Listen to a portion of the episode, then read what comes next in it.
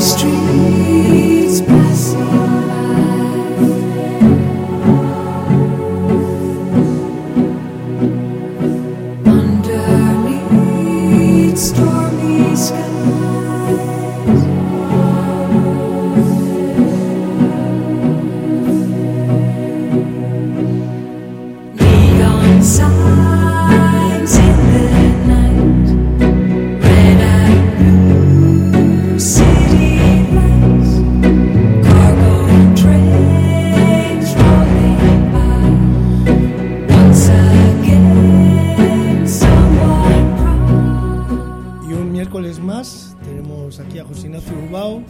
Va a acompañar durante un rato y hoy creo que trae un tema muy interesante entre manos.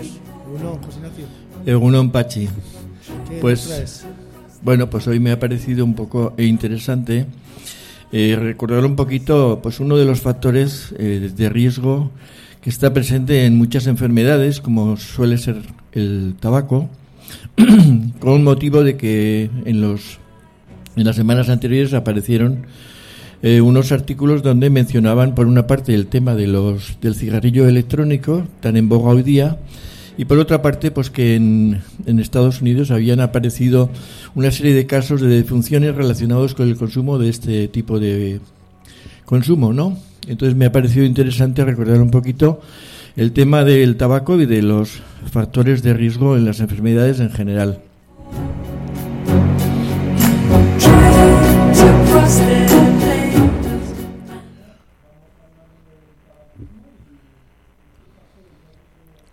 Vamos a hablar del tabaquismo y qué factores de riesgo tiene hoy en día el tabaco. Bueno, pues a modo de resumen y de recordatorio en general, podemos decir que en todas las enfermedades hay lo que llamamos una serie de factores de riesgo, que pueden ser factores de riesgo, por una parte, no modificables, que decir que están presentes ahí, que no hay manera de modificarlos, y por otra parte, factores de riesgo modificables. Entre los factores de riesgo eh, no modificables, pues todos conocemos el papel que juega la edad, sobre todo hay una mayor incidencia según qué tipo de enfermedad a partir de los 65 años de edad. Por otra parte, el género, eh, pues hay enfermedades que son más frecuentes en hombres y otras pueden ser en la mujer. Y también la importancia que tienen los antecedentes familiares, pues sobre todo cara a las enfermedades cardiovasculares, cara a los síntomas relacionados con la salud mental, etcétera, etcétera. Y dentro de los factores de riesgo modificables, que decir que podemos modificar, pues eh, están los que todos conocemos y que conviene recordar para que los tengamos en cuenta.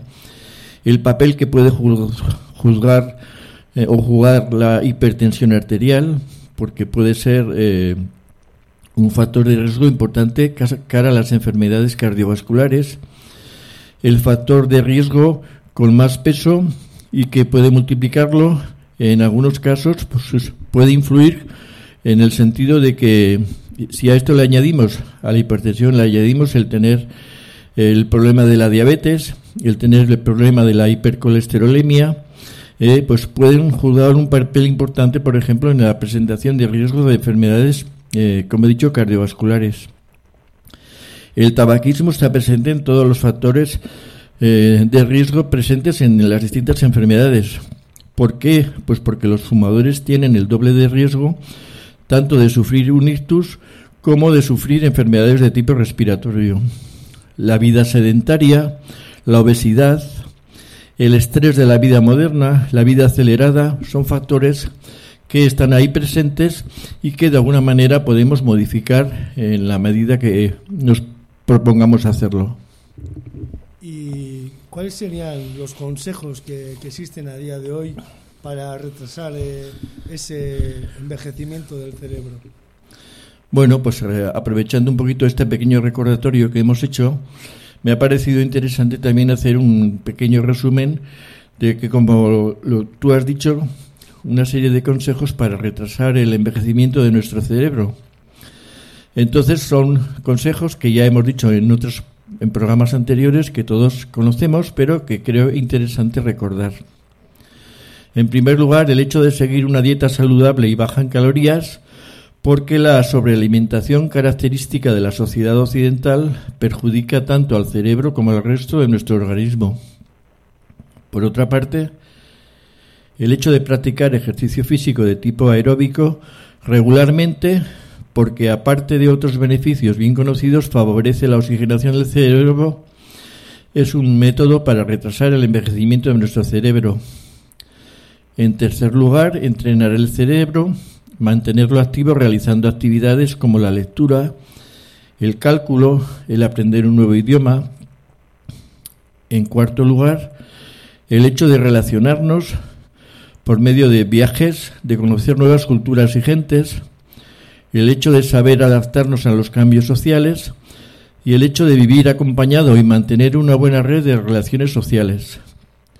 Todo eso está eh, para tenerlo en cuenta y llevarlo a cabo día a día.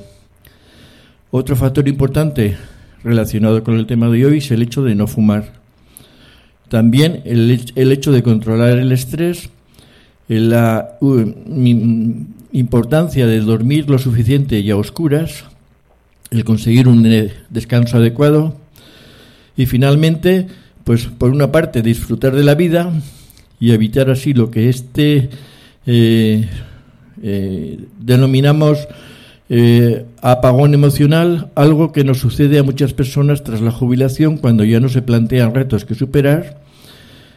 Aparte de disfrutar de la vida, dar sentido a la vida, agradeciendo lo que se tiene y finalmente intentar ser feliz teniendo en cuenta que esto será más fácil si seguimos los consejos anteriores. Interesante.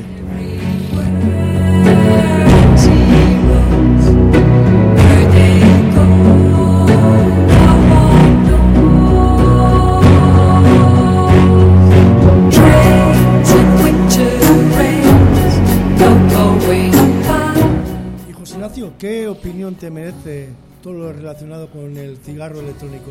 ¿Puede ser una alternativa válida? Bueno, eh, en lo que se refiere al cigarro electrónico, eh, el título del eh, programa de hoy es Cigarro electrónico, fábrica de fumadores. Los vapeadores están actuando como puerta de entrada al tabaco, lo que ha disparado las alarmas en la Organización Mundial de la Salud que pide una regulación más restrictiva. Esto viene a raíz de un artículo que apareció que ha aparecido en los meses de eh, julio-agosto y últimamente con el motivo de que en, Estados Unidos, en Nueva York, habían había habido una serie de casos de fallecimiento de unas personas, seis en total, y otras personas relacionadas con el problema, como digo, habían fallecido eh, por enfermedades que podrían estar relacionadas con el consumo de cigarrillos electrónicos, con lo cual, pues, eh, por ejemplo, en Nueva York eh, se hizo una acción ejecutiva de emergencia para prohibir la venta de este tipo de cigarrillos electrónicos. Eh, entonces, respecto al cigarrillo electrónico, ¿qué podemos decir? Pues que hoy día la lucha contra el tabaco ha hecho progresos indiscutiblemente, pero el cigarrillo electrónico y otros dispositivos conexos amenazan estos avances cuando se les presenta como una ayuda para dejar de fumar, según un informe de la Organización Mundial de la Salud. Eh, esta organización ha pedido que se regule a estos dispositivos de la misma forma que se hace con el tabaco, porque no hay evidencia científica que demuestren su supuesta reducida toxicidad. El principal argumento que utilizan las industrias tabaqueras para pedir que se les regule de forma diferenciada. Estos productos son productos que se han convertido en una puerta de entrada del tabaco para la gente joven. Nuestra recomendación a los gobiernos es que los traten y regulen como productos del tabaco. Eh, viene a decir pues ese artículo de la Organización Mundial de la Salud. Eh, la advertencia se justifica por el aumento de la popularidad de estos dispositivos en el mundo, ya que cuentan con una frente a los eh, millones de consumidores eh, de fumadores cigarrillos convencionales, ya una tercera parte de estos millones de consumidores eh, son cuentan ya con consumidores de este tipo de productos. Entonces, ¿qué podemos decir? Pues que en los últimos 10 años de esfuerzos internacionales para reducir el consumo, se ha conseguido multiplicar por cuatro el número de personas que viven en países que aplican medidas como la prohibición de fumar en espacios públicos y las advertencias gráficas en los paquetes de tabaco. Sin embargo, las ayudas para dejar de fumar y el aumento de los impuestos al tabaco siguen siendo áreas donde hay grandes debilidades. Según este informe de la Organización Mundial de la Salud, solo 23 países ofrecen el más alto estándar de servicios para abandonar el cigarrillo, como pueden ser centrales telefónicas gratuitas que aportan ayuda y consejos, como puede ser orientación en los centros de salud y terapias de reemplazo de la nicotina, cuyo coste esté totalmente cubierto. Está comprobado que sin ayuda solo el 4% de los, por ciento de los fumadores consiguen dejar el tabaco y que el acompañamiento duplica la probabilidad de éxito de una terapia. Espera, José Ignacio, que me voy a fumar un cigarro.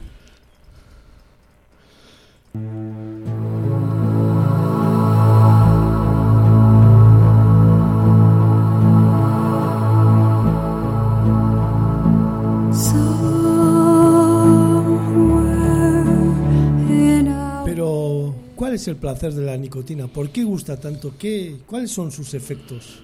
Bueno, eh, por recordar un poquito los efectos de la nicotina, hemos de decir que la nicotina llega a nuestro cerebro rápidamente después de su inhalación y es tan fuertemente adictiva que se ha comprobado que un 60% de adolescentes se convierten en adictos a ella después de cinco paquetes de cigarrillos. Por ello, la Organización Mundial de la Salud considera un grave error que muchos países estén permitiendo que estos productos se comercialicen en total libertad y en muchos casos sin ni siquiera pagar impuestos. Los cigarrillos electrónicos están apropiándose también de esa imagen de estar a la moda o de ser eh, un cool que han perdido los cigarrillos, sobre todo entre los jóvenes, lo cual preocupa a los especialistas de la Organización Mundial de la Salud que piden a los gobiernos evitar la normalización del uso de estos dispositivos. Eh, a este eh, aspecto se recordó que de los, como hemos dicho, de los miles de millones de fumadores en el mundo que hay, la mitad empezó con este hábito antes de los 20 años. Los resultados de una reciente encuesta eh, entre adultos indican que un 60% de estos participantes querían dejar de fumar y que un 40% lo había intentado en los 12 meses previos al estudio.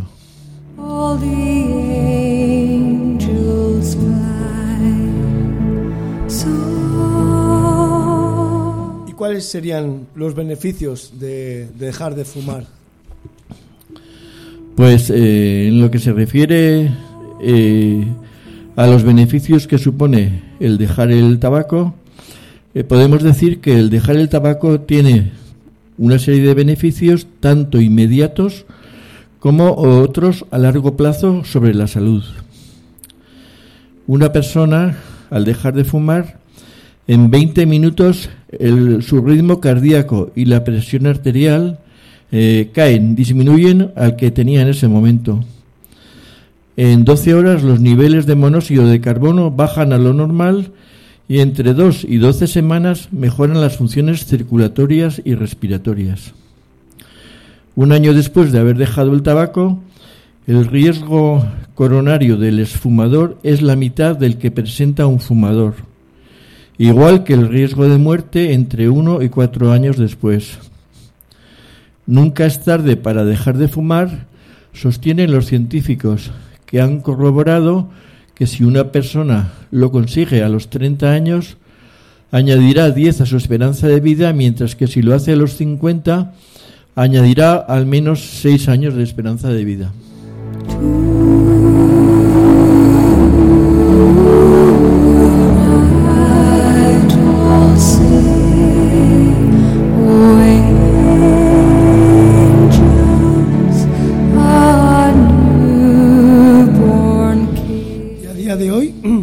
¿Cómo está la, la lucha contra el tabaco? ¿Qué se está haciendo? Eh, ¿Va a buen ritmo o se consigue algo? Bueno, eh, podemos decir que la lucha contra el tabaco en España ha avanzado, pero podría hacerlo mucho más si se ampliaran las ayudas para los que quieren dejar de fumar y cambiara la manera como se fija el impuesto a este producto. España tiene una proporción elevada de impuestos, pero a diferencia de Alemania y de los países del norte de Europa, sus impuestos son proporcionales al precio, lo que hace que terminen siendo comparativamente más bajos, según una referencia eh, de un especialista de la Organización Mundial de la Salud. España se ha alineado con todas las políticas antitabaco impulsadas por la Organización Mundial de la Salud, pero los programas de ayuda a los fumadores y los impuestos son su talón de Aquiles y deberían revisarlos.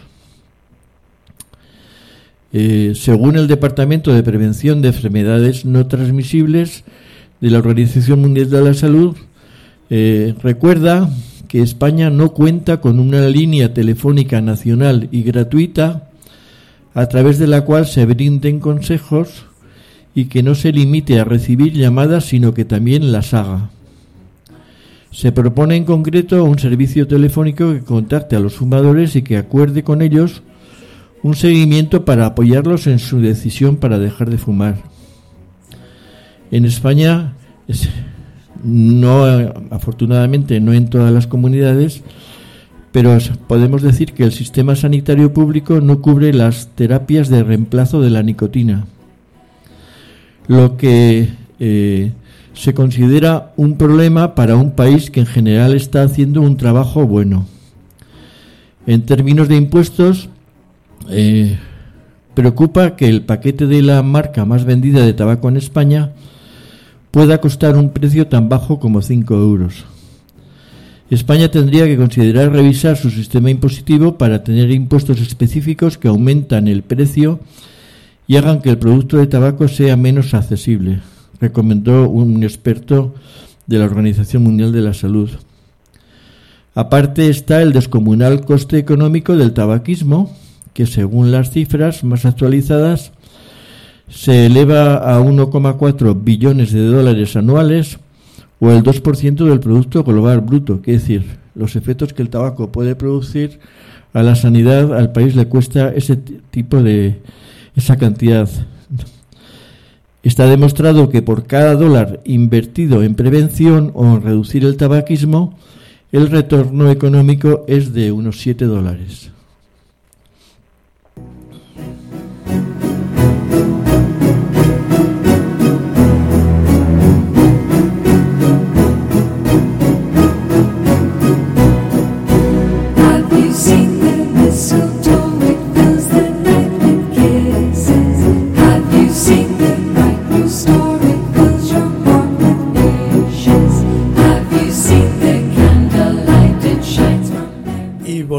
Tema de, del cigarro electrónico, eh, ¿sabes si hay algún estudio que demuestre que ayuda a dejar el tabaco? En el último eh, pues eh, tema o informe que yo he podido leer un poco viene a comentarnos que el hecho de que Sanidad insiste en que los cigarrillos electrónicos son nocivos para la salud y que por otra parte sostiene que no hay estudios que demuestren que ayudan a dejar de fumar. El Ministerio de Sanidad insistió eh, o ha insistido en que los cigarrillos electrónicos, tanto los que llevan nicotina como los que no, son nocivos para la salud del que lo consume y de la persona que está a su alrededor y que no ayudan a dejar de fumar.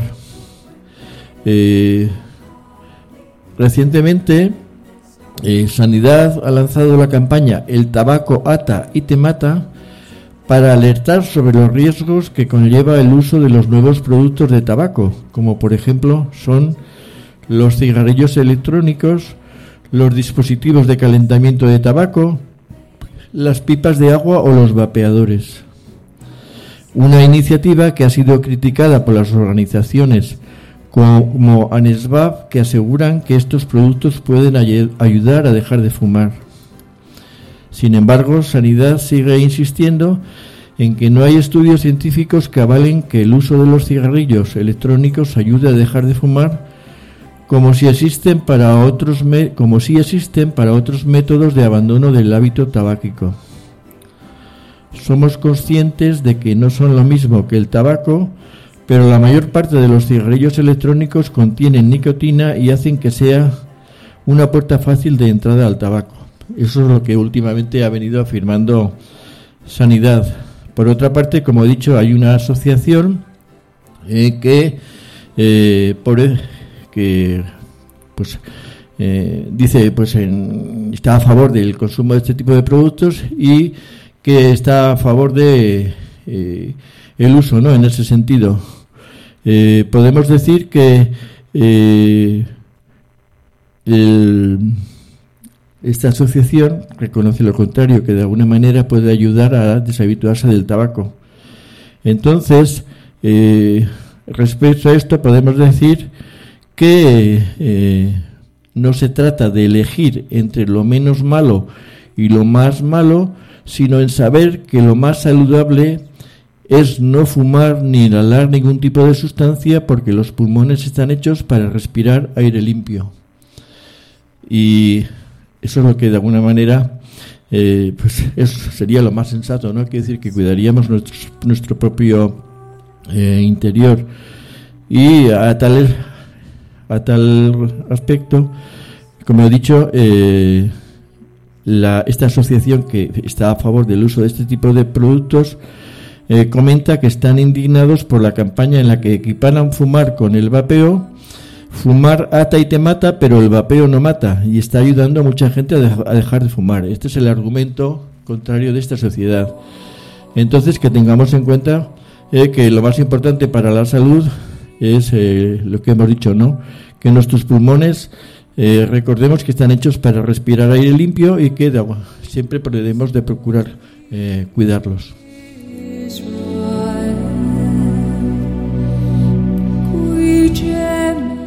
Creo que has dado muchos consejos hoy. Eh, yo me quedo con el de cuidar la dieta, practicar ejercicio, entrenar el cerebro, leer, hacer cálculos, tener relaciones sociales, viajar, conocer gente. Eh, parecen cosas sencillas, cosas que, que las damos por lógicas, pero a veces no nos ponemos a pensar que, que si estamos una semana sin hacer eh, un par de cosas de ellas, eh, cómo nos afecta incluso en la salud, ¿no? Y, son cosas que, con el estrés, con, con la falta de descanso, con no dormir bien, pues nos pueden afectar seriamente. Exactamente, ¿no? Quiere decir que tenemos que parar de vez en cuando a pensar, a reflexionar que los medios los tenemos a nuestro alcance, que están bien, son bien sencillos de realizar, exigen un seguimiento, una constancia, pero que muchas veces lo lo, ah, lo difícil no es lo más adecuado, sino lo que está al alcance de nuestras manos es lo más sencillo. Pues con esa idea nos vamos a quedar, José Ignacio. Es que casco y hasta la siguiente. Suripachi, Agur.